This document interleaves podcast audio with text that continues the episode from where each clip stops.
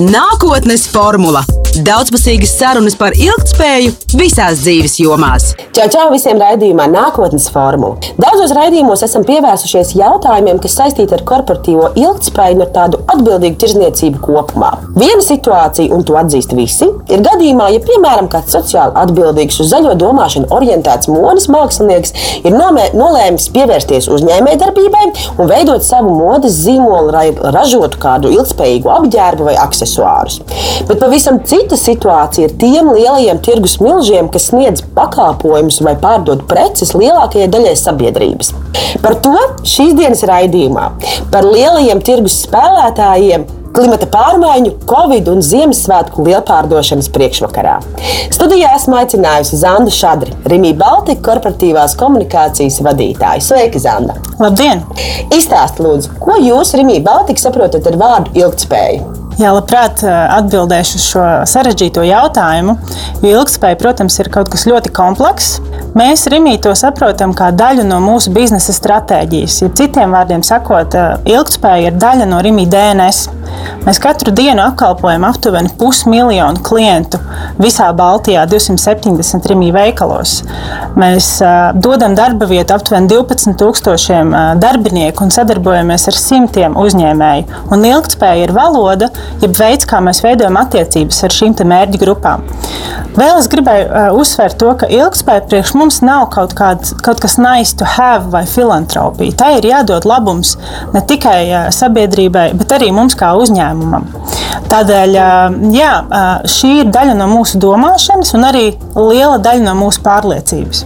Viens teiksim, ir tā situācija, kur mēs varam teiksim, saku, nokontrolēt visu to vērtību ķēžu posmus, ja savā ražošanā, un to mēs parasti varam izdarīt mazos, pārskatāmos uzņēmumos. Un, protams, ka to ir daudz vieglāk sākt brīdī, kad tu esi jauns uzņēmums, nevis jau ar milzīgu lielu pieredzi, kā saka, aiz muguras un to visu bagāžu, ko tu nesi jau ilgus gadus esot tirgū. Saki, lūdzu, kā vispār ir iespējams sabalansēt un nokontrolēt to nenormāli lielo iesaistīto cilvēku klāstu? Jo mums ir vide, mums ir ekonomika, mums ir sociālās lietas. Un kā jau tu minēji, 12,000 darbinieku un, un 500, 500 tūkstoši klientu katru dienu. Izstāst, lūdzu, kas ir tie kontrols mehānismi vai tie pāraudzības mehānismi, kā jūs visos šajos sarežģītajos posmos mēģināt ilgspēju īstenot praksē? Mēs savu ilgspējas programmu esam sadalījuši tādos piecos blokos, un arī mazliet pastāstījuši par katru mm -hmm. no tiem. Tātad, pirmkārt, tā ir atbildība pret vidi, kur ir daudz un dažādas aktivitātes, par kurām mēs šodien droši vien varētu parunāt mazliet detalizētāk. Tad ir sabiedrības un mūsu klientu, mūsu darbinieku veselība, kas arī ir tāds liels, nozīmīgs bloks, kur ir mhm. vairākas aktivitātes, gan veselīgu produktu nodrošināšanā mūsu klientiem mūsu veikalu plauktos, gan arī veselīga dzīvesveida atbalstā. Un tad uh, vēl trīs jomas mm, - dažādība, par ko mēs šodien arī runāsim, uh, kvalitāte, kvalitatīvi produkti. Kā arī atbalsts lokālām kopienām. Tātad šis ir tāds piecu virzienu plāns, ja programma, kā mēs esam sastruktūrizējuši ilgspēju mūsu uzņēmumā. Kā mēs atsakojam vai sekojam līdzi mūsu pašu progresam šajā jomā. Te jāatzīst, ka mēs to darām ļoti ļoti rūpīgi katru ceturksni skatoties uz katru no šīm piecām jomām, kā mēs tuvojamies tiem mērķiem, kurus mēs esam izvirzījuši. Mums ir gan tādi gada mērķi, gan arī ilgta, ilgtermiņa mērķi, kā piemēram samazināt pārtikas atlikumus uz pusi līdz 2025. gadam, vai arī sasniegt tā saucamo net zero, jeb nulles līmeni CO2 izmešu ziņā 2030. gadā.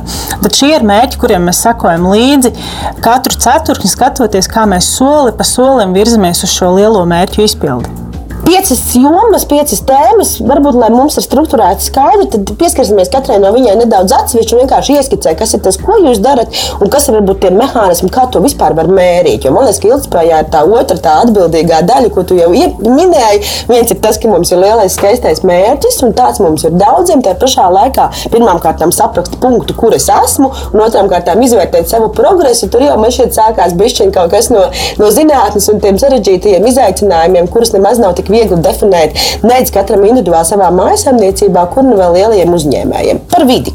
Jā, tātad vidas jomā mēs varam izdalīt tādus trīs galvenos virzienus. Es sākšu ar CO2 izmešu mazināšanu, kur mēs esam sasnieguši ļoti labu progresu. Mēs faktiski šogad būsim klimata pozitīvs uzņēmums. Ko tas nozīmē? Tas nozīmē to, ka kopš 2006. gada, kas mums ir bijis tāds atskaites gads, mēs esam samazinājuši 70% CO2 izmešus mūsu darbībā. Kā mēs to paveicām?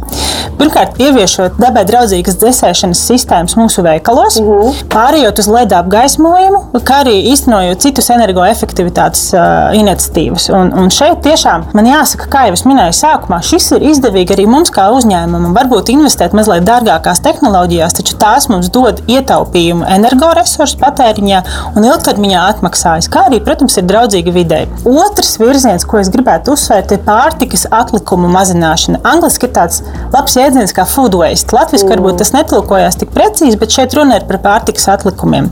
To mūsu darbībā ir maz. Taču mēs gribam to samazināt vēl vairāk, līdz 2025. gadam, samazinot uz pusi. Un te ir jāskatās kompleksi uz visu pārtikas produktu aprites ķēdi, sākot ar loģistikas centru, kurā arī mums ir nu, ļoti rūpīga sistēma, kā mēs sekojam līdzi, lai pārtikas atkritumi nerastos. Un, ja rodas, tad mēs viņus nododam otrreizējai pārstrādē. Tad tālāk seko veikals, kur arī pastāv iespēja rasties pārtikas atlikumiem. Tur mums ir rūpīgi plāni un sistēmas, kā mēs efektīvi plānojam pārtiks produktu nonākšanu veikalu plauktos, lai nerastos šie atlikumi. Un tad, protams, arī pašu patērētāju maisaimniecības, kur arī veicam izglītojošu darbu, esam kā kočs vai treneris mūsu klientiem, patērētājiem, kā mazināt šos pārtiks atlikumus klientu pusē.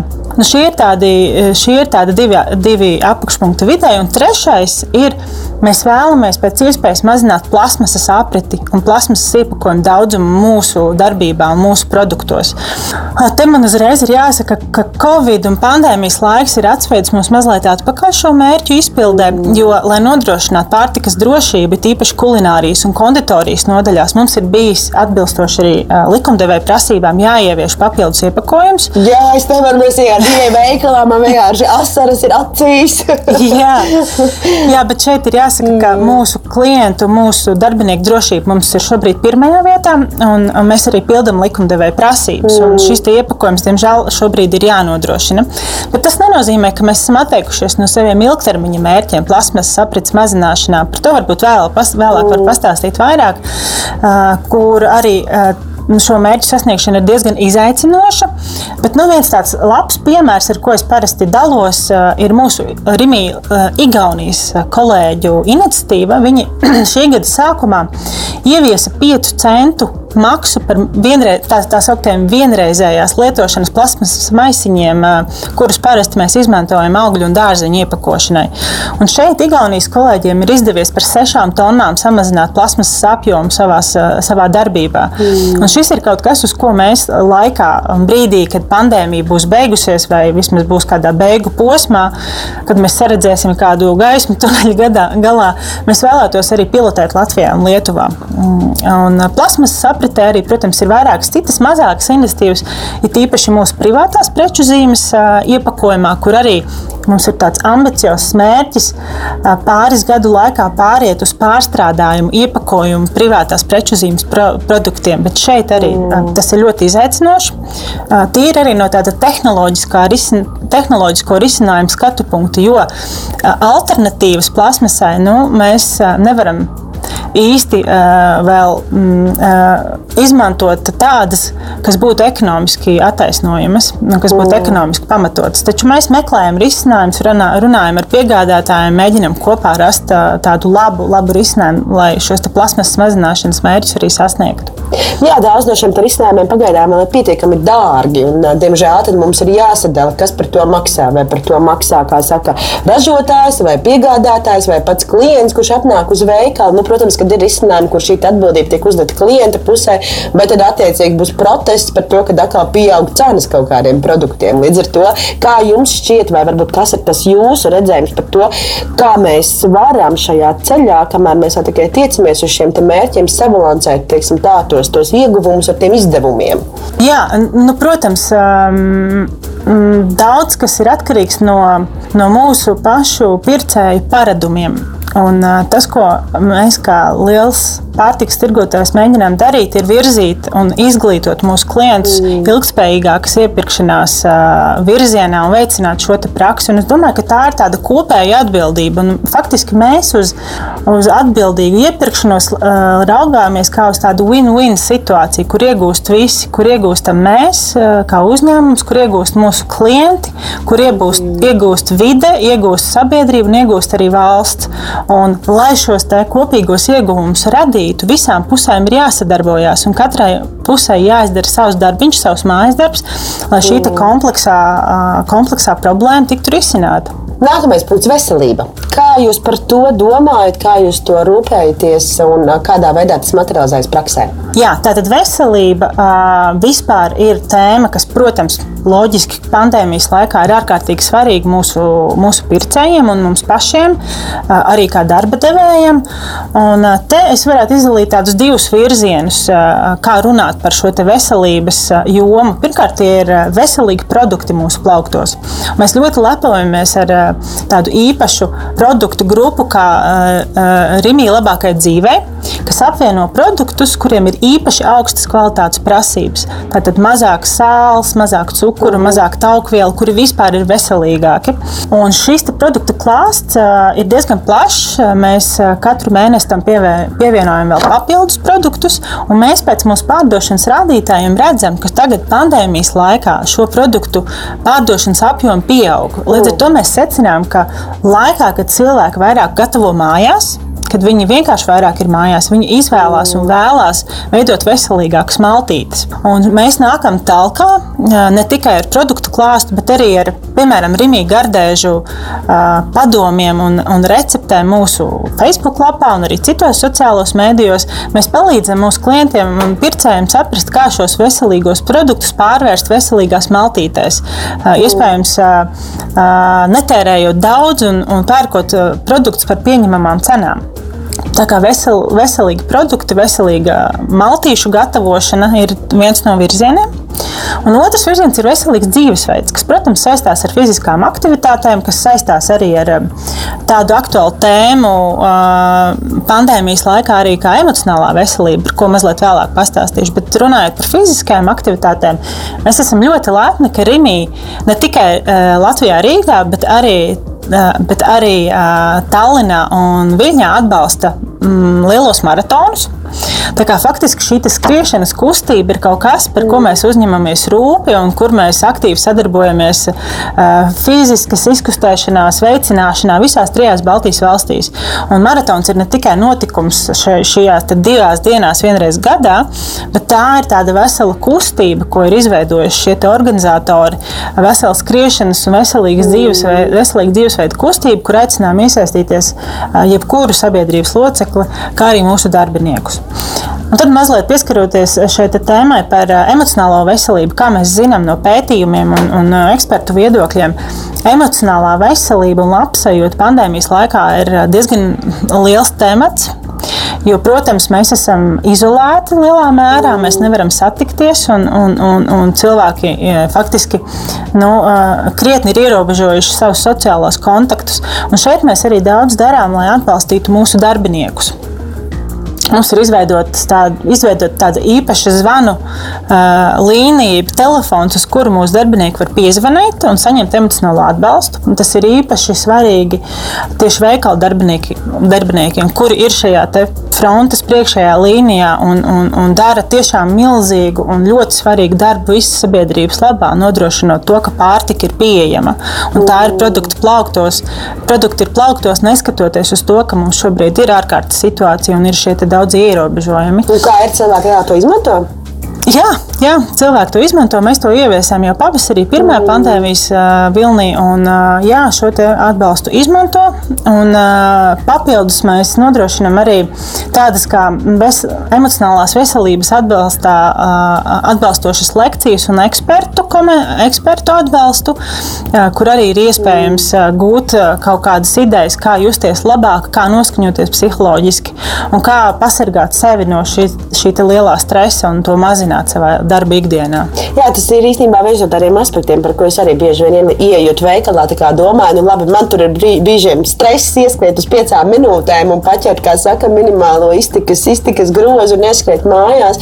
Bet, ja cilvēki tur tiekās un komunicē un dara savu darbu, jebkurā situācijā, tad kādā veidā viņus nomotivēt un kādā veidā viņiem radīt vismaz kaut kādu emocionālās stabilitātes un drošības sajūtu par to, ka ok, mēs kaut kādā veidā ar šo varam tikt galā un varam turpināt mm -hmm. strādāt, un varam nodrošināt gan cilvēkus patiešām ar pārtiku, gan arī beigās pašu sevi ar iztikšanu, jo tas ir mūsu maizes darbs. Jā, šeit es arī gribēju nokomentēt vēl papildus lietas, eh, ko mēs darām, lai atbalstītu mūsu kolēģus, kas strādā veikalos, kas, protams, ir eh, ārkārtīgi, ārkārtīgi, ārkārtīgi svarīgs darbs, un bez tā Rīgā nevarētu pastāvēt. Eh, varbūt mazliet atgriežoties pavasarī, kad pandēmija sākās.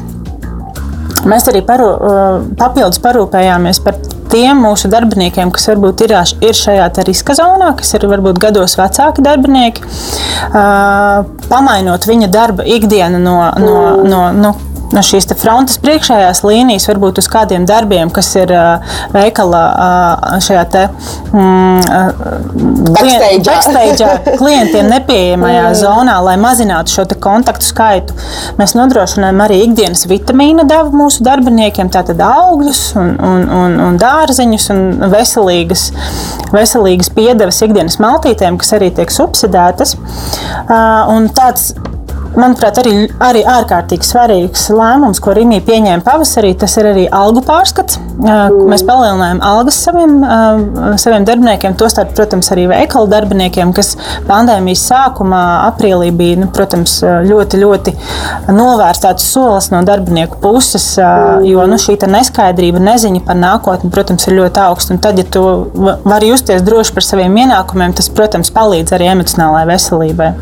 Un vēl mēs redzam mm, mūsu darbiniekus ne tikai kā, kā veidu, kā mēs varam palīdzēt notikt ikdienas darbībām un, un, un, un pārdot preces, mums ir ārkārtīgi svarīgi veidot ilgtermiņa, da, ilgtermiņa attiecības ar mūsu darbiniekiem, nodrošināt šo stabilitātes sajūtu, šo drošības sajūtu un piederības sajūtu. Līdz ar to mēs arī ārkārtīgi aktīvi īstenojam komunikācijas aktivitātes, informējot par uzņēmuma darbības rezultātiem, par, par mūsu stratēģiju, informējot par mūsu panākumiem, tā lai katrs darbinieks ir tad tajā informācijas apritē un jūtās piederīgs uzņēmumam, uzņēmumam, un tā ir daļa no viņa identitātes.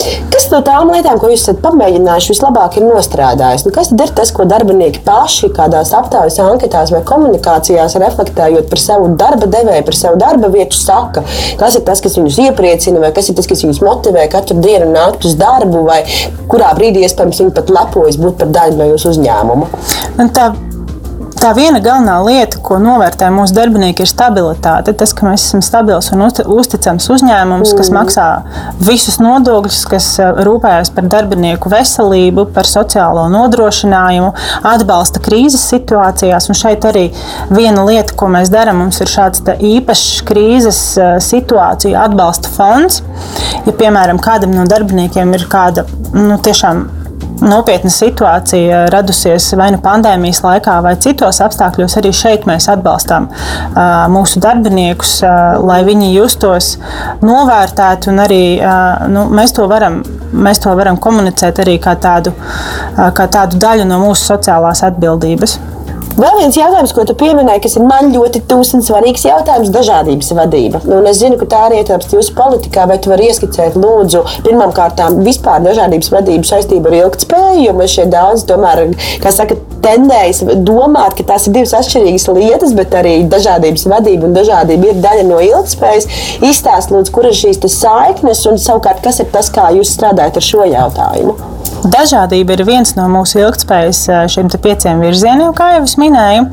Un, um, man uzreiz jāsaka, ka dažādības ziņā mēs esam ļoti labā situācijā. Vadības komandā dzimuma līdzsvars ir 50 pret 50.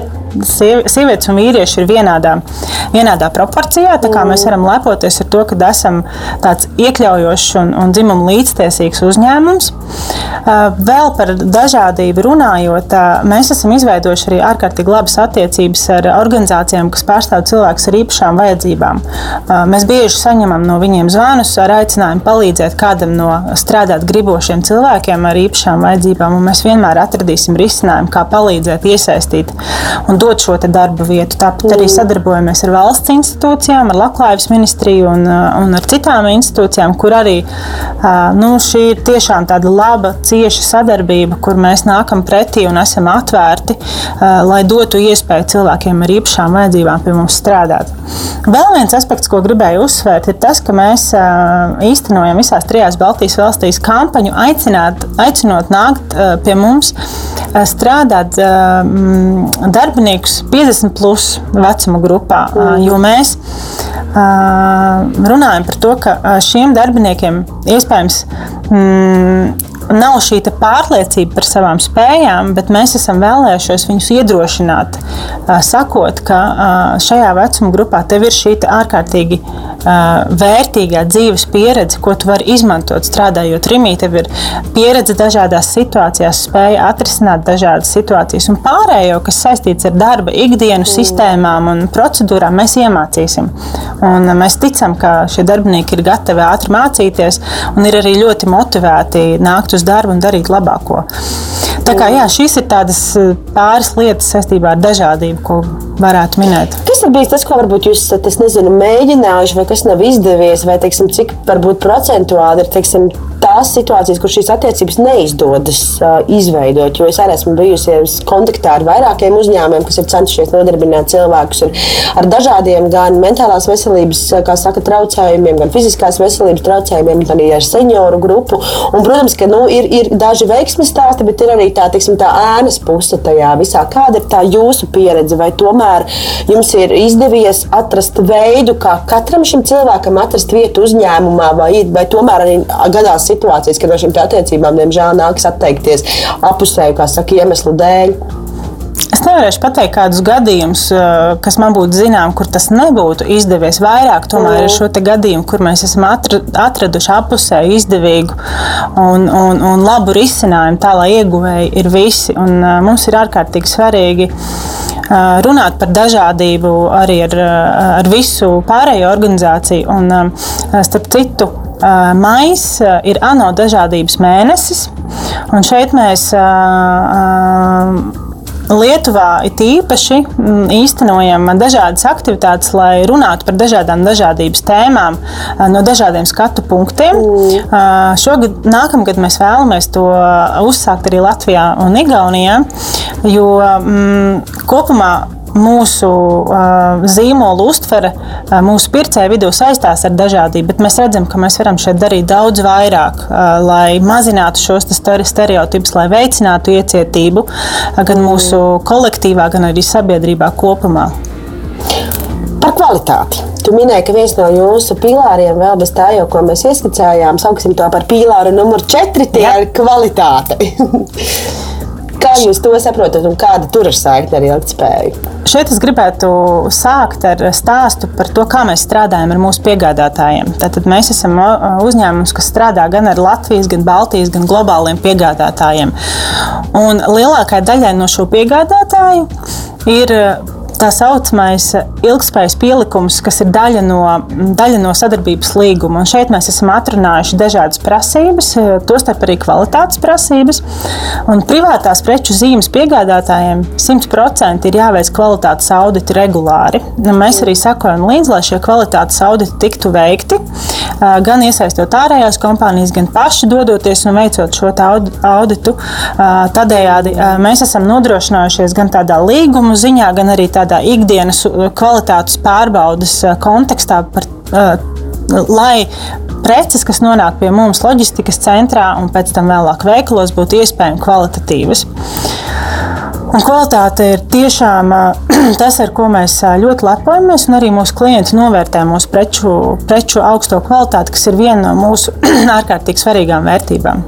Bet man vienmēr liekas, tik nenormāli grūti saprast, jums ir tie piegādātāji. Es nezinu, cik jums ir katrā, katrā tajā kopējā veikala tīklā, teiksim, vismaz Latvijas mērogā, cik liels ir tas piegādātājs skaits vispār par kādiem apjomiem mēs runājam un cik, cik reāli ir šīs attiecības kaut kādā veidā uzraudzīt un nokontrolēt. Jo, protams, ka viens ir tas, kas ir atrunāts līgumā, bet kā mēs zinām, kā saka, papīrs pacieš daudz ko. Un bieži vien cilvēki uz papīra saraksta arī lietas, kuras nemaz ne tik godprātīgi necenšas īstenot praksē. Kas ir tas, kā jūs varat vispār šīs attiecības kontrolēt un patiešām pārbaudīt, vai tas, ko šie cilvēki saka, ir taisnība, ja, vai viņu darbinieki ir godprātīgi atalgoti, vai šis uzņēmums ir nomaksājis nodokļus, vai šis uzņēmums ievēro vismaz minimālās kādas prasības, kas ir teiksim, vides, vides jautājumi un tādas lietas. Tieši tāpēc mums ir šie kvalitātes auditi, kur uh mhm. -huh. regulāri ceturkšņa griezumā mēs sekojam līdzi, lai tie būtu uh, veikti uh, lielākajā daļā mūsu piegādātājiem. Ir vēl viens kontrols mehānisms, uh, par ko gribētu pastāstīt, un tie ir sociālie auditi. Tos mēs uh, prasām kā obligātus piegādātājiem, kas strādā vai ir no tās augtajām sociālā, sociālā riska valstīm. Tātad valstīm, kurās ir vai nu kādi konflikti, vai mhm. kādās citās jomās mēs redzam sliktus rādītājus. Un, un šos riska valstu sarakstus veido, veido organizācijas, kas monitorē šo situāciju visā pasaulē. Un mhm. sociālos auditus, kas ietver arī šos darba apstākļus, darba algas, ko, ko jūs minējāt, mēs arī prasām pārbaudīt, mhm. iegūt šo certifikātu un regulāri pārsertificēties, lai mēs tiešām zinātu, ka piegādātāji no riska valstīm, piemēram, Ķīnas, būtu arī nodrošinājuši drošu un, un, un, un, drošu un ilgspējīgu darba vidi saviem darbiniekiem. Tā kā sociālajā audita ir vēl viens kontrols mehānisms. Kāda ir jūsu reakcija vai kas ir teiksim, tā, tās darbības, ja jūs uzzināt, ka kaut kas tomēr neatbilst šīm prasībām? Saku, vai nu tur ir kādi lieli nodokļu parādi, vai tur ir nelegāli nodarbināti kādi cilvēki, vai tur ir es nezinu, kādi, kādi liels kaitējums vidēji nodarīts šī ražošanas procesa laikā. Kas ir tie jūsu mehānismi, kā jūs varat no šīm sadarbībām atteikties vai kādā veidā nezinu, dot laiku, sakārtot tās lietas un labot tās kļūdas? Kāda ir jūsu reakcija un kādas ir jūsu iespējas šajā situācijā? Te var minēt divus piemērus. Šī gada sākumā viens no mūsu piegādātājiem, arī privātās preču zīmes piegādātājiem, Lietuvā, kompānija Grigeo,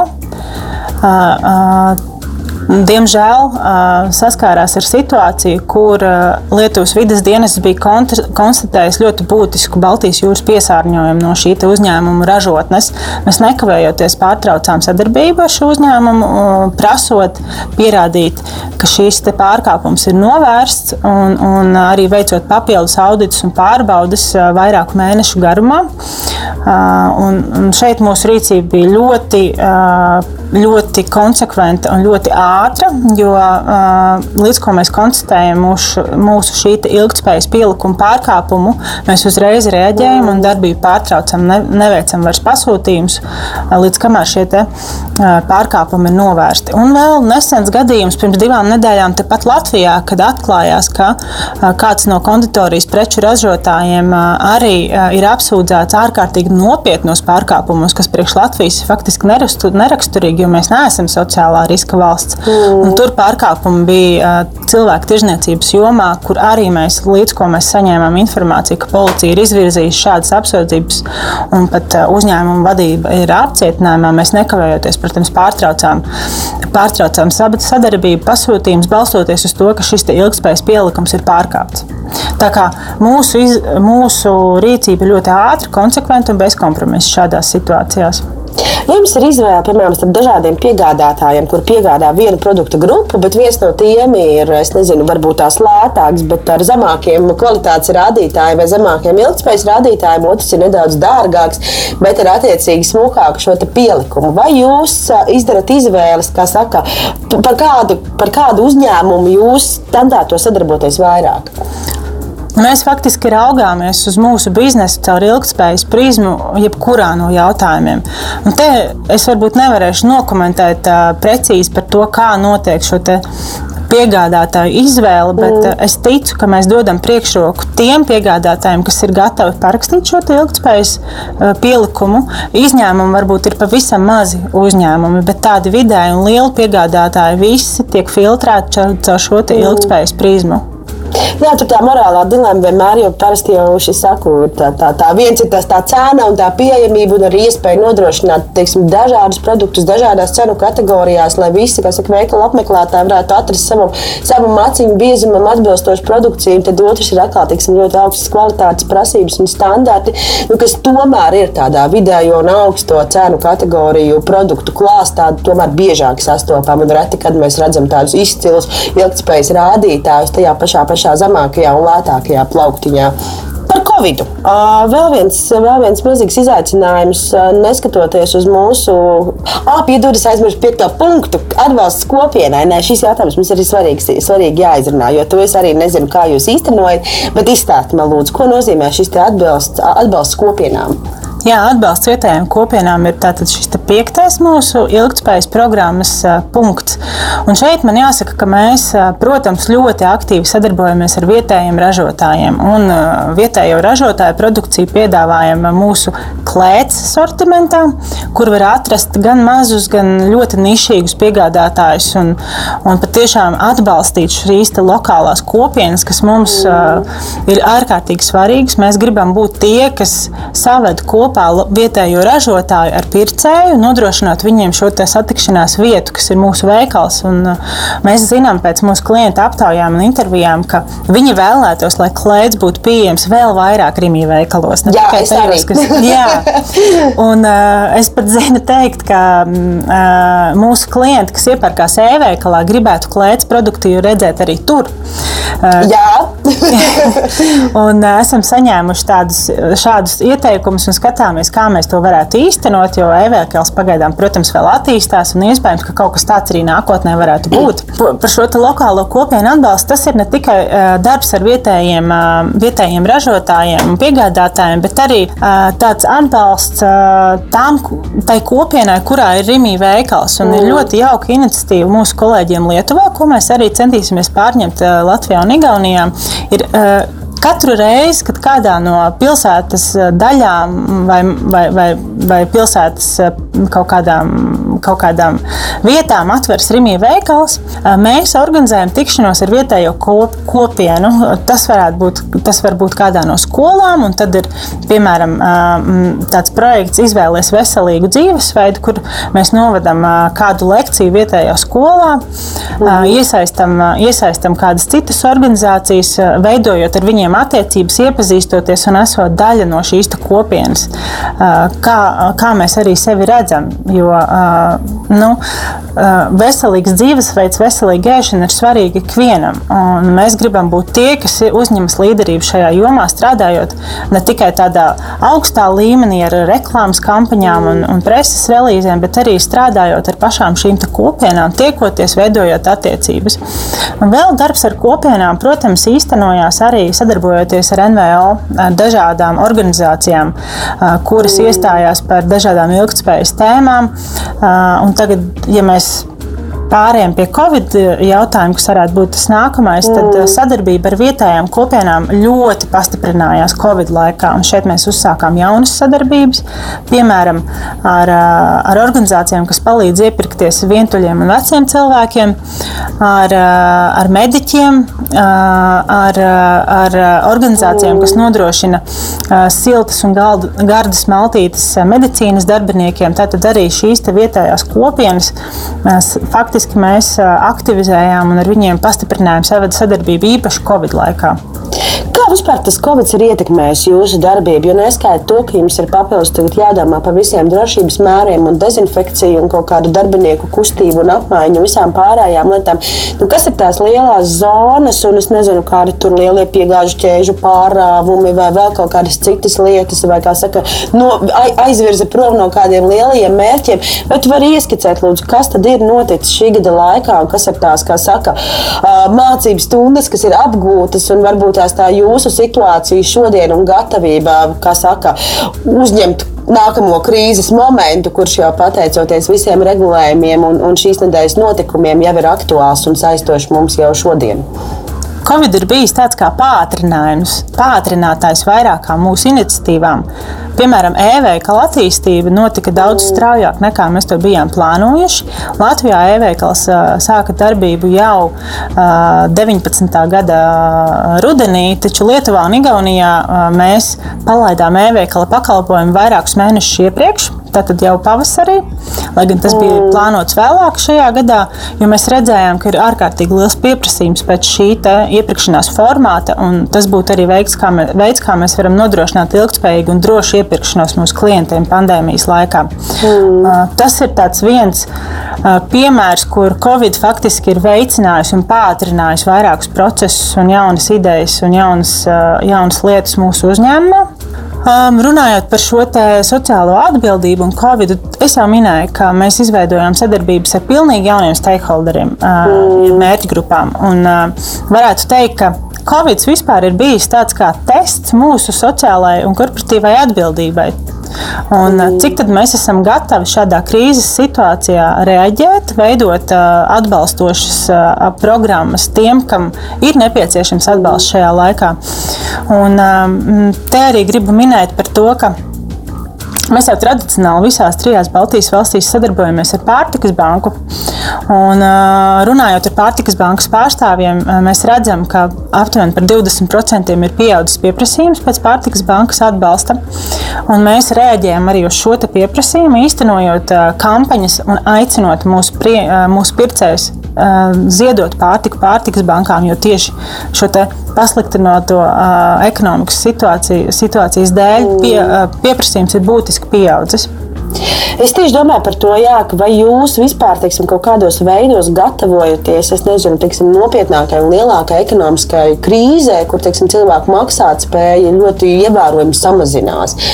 Vai jums, nezinu, ir kāds strateģiskais plāns B, es nezinu, kādā veidā jūs varētu nodrošināt lētākus produkcijas, vai es nezinu, vai tas nozīmē to, ka veikalu skaits samazinās vai vēl kaut ko. Nu, kas ir tie jūsu, jūsu jā, tie, tie riska, riska, riska kaut kādi plāni, nu, domājot par kaut kādu situāciju? situāciju X, par kuru mēs neko nezinām, bet ar kuru mums droši vien vajadzētu rēķināties, jo mēs nezinām, cik ilgi šī pandēmija mūs ietekmēs un kādā beigās galā tas viss eh, izskatīsies tādā Latvijas ekonomikas un pasaules ekonomikas kontekstā. Vērojot mūsu pircēju paradumus, mēs redzam, ka klienti uz veikaliem dodas retāk. Tātad vairāk plāno savus iepirkumus, uh mhm. -huh. taču šis groza apjoms, ja pirkuma apjoms pieaug, kas arī ir loģiski, un tā tam arī vajadzētu būt šobrīd pandēmijas apstākļos. Mēs redzam arī, ka mazliet mainās tas, ko cilvēki pērk, kam viņi dod priekšroku, un šeit ārkārtīgi svarīgs moments ir cena kā jau jūs minējāt.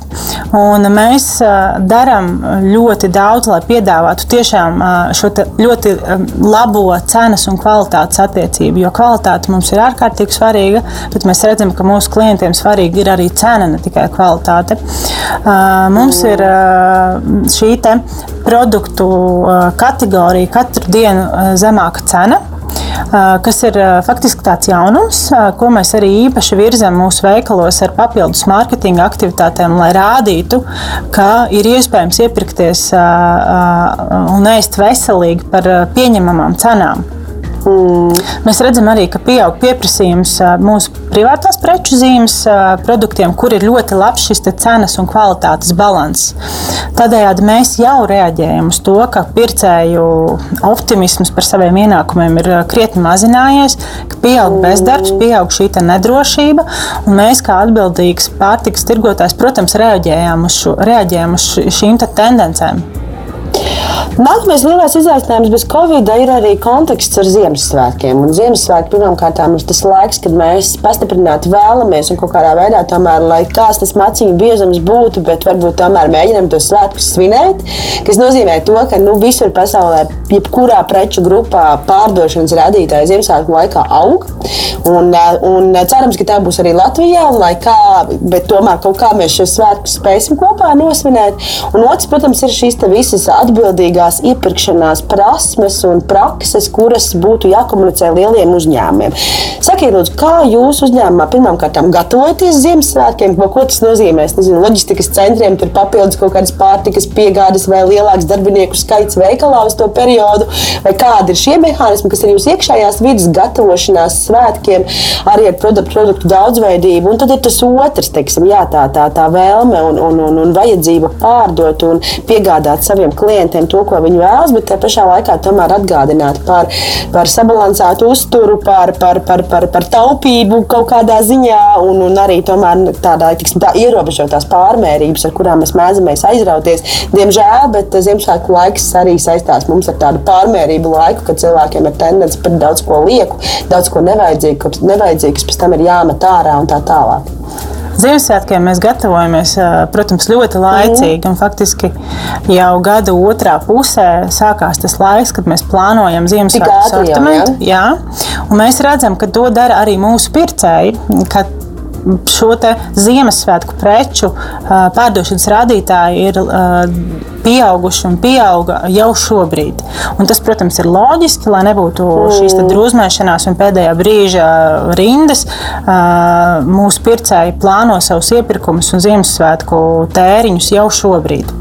Bet par Ziemassvētkiem es gribētu teikt, ka, manuprāt, šie būs tādi pirmie ilgspējīgie Ziemassvētki kur mēs tiešām ļoti pārdomāsim to, ko mēs pērkam, mēs saplānosim pirkumus, kas mums ir patiesi vajadzīgi. Un es ticu, ka arī uh, sekosim līdzi, kas notiek ar šiem pārtikas atlikumiem, kurus mēs varam uzglabāt ilgāku laiku, uh, vai kuri būtu uh, jāpēda pietiekami ātri nākamajā dienā vai, vai uh, kaut kādā tuvākajā laikā. Un uh, par ilgspējīgiem Ziemassvētkiem runājot, mēs arī aicinām. Uh, Protams, iepirkties droši un atbildīgi. Tas ir punkts numur viens.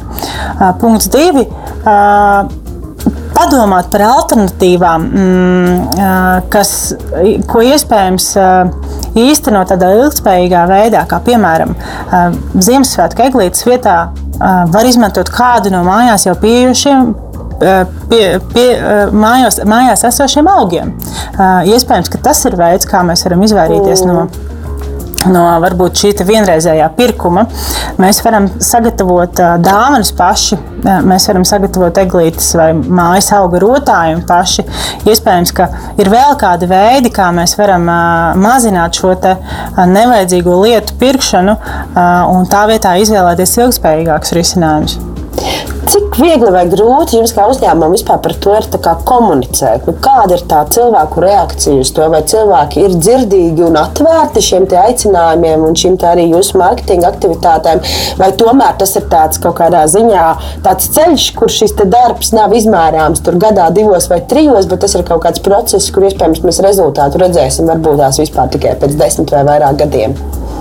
Es teiktu, ka tas ir tāds pilināšanas scenārijs, ja, ar kaut kādām nelielām ziņām, bet konsekventi turpinot šo te, uh, mentoringa, uh, bija sabiedrības izglītošanas darbu. Viens labs piemērs, uh, par ko es arī saņēmu jautājumu no, no, kādas, uh, no kādas universitātes pasniedzējas, viņa bija ļoti pārsteigta, ka Rimija savā mājaslapā bija aicinājusi klientiem nedoties uz veikalu izsalkušiem. Un šo komunikāciju mēs īstenojām šī gada septembrī, kad mēs pievienojāmies ANO pirmajai pārtikas atlikumu mazināšanas dienai. Tātad pirmo reizi ANO kaut ko tādu bija mm -hmm. īstenojuši, kur arī mēs uh, mēģinājām izglītot mūsu klientus par to, kā šos pārtikas atlikumus mazināt. Protams, veidojot iepirkšanās sārakstu, dodoties uz veikalu, bet arī aicinot neiet, nedoties uz veikalu izsalkušiem. Un tas savā ziņā uh, nu, varbūt var negatīvi ietekmēt mūsu pārdošanas rādītājus, bet mums ārkārtīgi svarīgi ir arī šī sociālā atbildība un uh, to, lai šie atlikumi nebūtu un būtu pēc iespējas mazāki. Tāpēc, kā neiet uz veikalu izsalkušiem un pēc tam paskatīties visas iespējamās alternatīvas Ziemassvētku dāvanām, kā varētu iepriecināt cilvēkus, cilvēkus citādos veidos, nevis nopirkt kaut ko, kas varbūt paķerās par rokai, ejot cauri veikalam. Uh, Vēl viens jautājums mūsu sarunā jau tuvojoties noslēgumam par aprites ekonomiku. It kā mēs ieskicējām tos lielos virzienus, bet tomēr tā atkal ir tāda nedaudz atsevišķa tēma. Tajā visā kontekstā ar tojošamies svētkiem, ar covid, ar ilgspēju. Kas ir tās no aprites ekonomikas, kas ir daļa no jūsu teiksim, tā, korporatīvās, korporatīvās darbības un korporatīvās identitātes, ko jūs cenšaties īstenot praksē un ko jūs arī teiksim, tā, cenšaties vēl joprojām saglabāt par spīti tam, ka Covid ir mūs pamainījis, mūsu paradumus un, un tuvojas, kā jau es minēju, šis lielais iepirkšanās svētku laiks. Kā jau minēju, mums ir ambiciozi mērķi plasmasas apjoma samazināšanā mūsu darbībā. Mērķi pāriet uz ilgspējīgāku iepakojumu mm. mūsu privātās preču zīmes produktiem. Bet es gribēju pastāstīt par aktivitāti, ar ko mēs īpaši lepojamies un ko esam veikuši pēdējā laikā. Tas ir um, aicinājums šķirot tekstilu. Mm. Tekstilu izstrādājums, kur pie 16 uh, rīmī veikaliem ir izvietoti šie konteineri, kur mēs aicinām nodot uh, nevajadzīgos tekstilu izstrādājumus. Un tas arī ir veids, kā mēs veicinām paprites ekonomiku, mm. mazliet varbūt ārpus mūsu tiešā tiešās atbildības jomas, bet arī piedāvājot veidu, kā dzīvot ilgspējīgi un kā kā dot šo otro dzīvi arī, piemēram, tekstila, tekstila, uzņē, tekstila izstrādājumiem.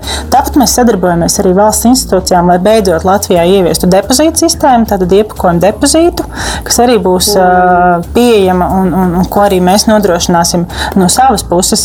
Tātad tas ir darbs arī ar valsts institūcijām, ar nevalstiskajām organizācijām, lai šos aprits ekonomikas principus iedzīvinātu. Tu pāraugi visu Baltiju, vai ne? Jā, es darbojos Baltijā.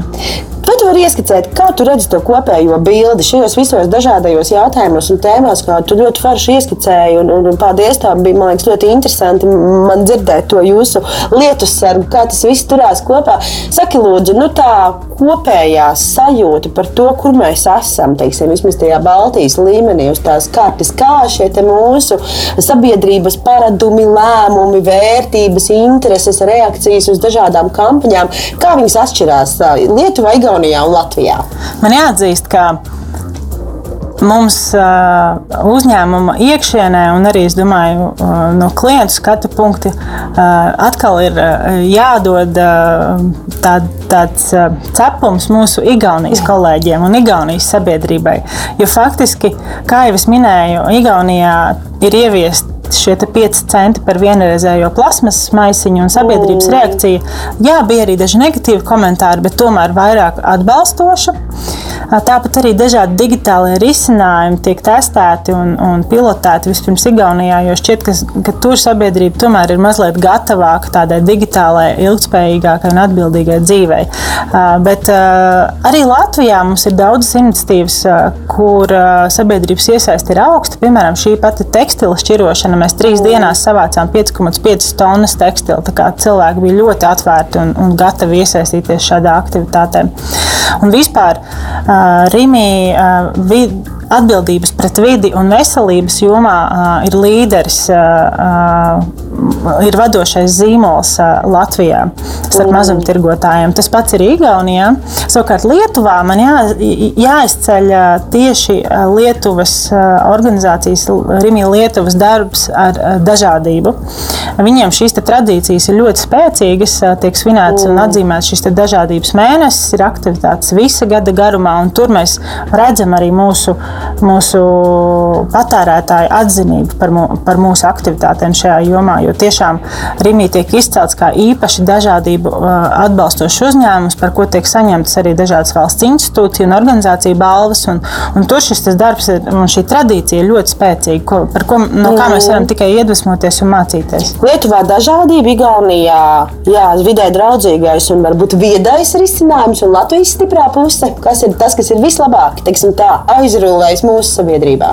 Es domāju, tas ir atbalsts un vēlme palīdzēt tiem, kam klājas visgrūtāk.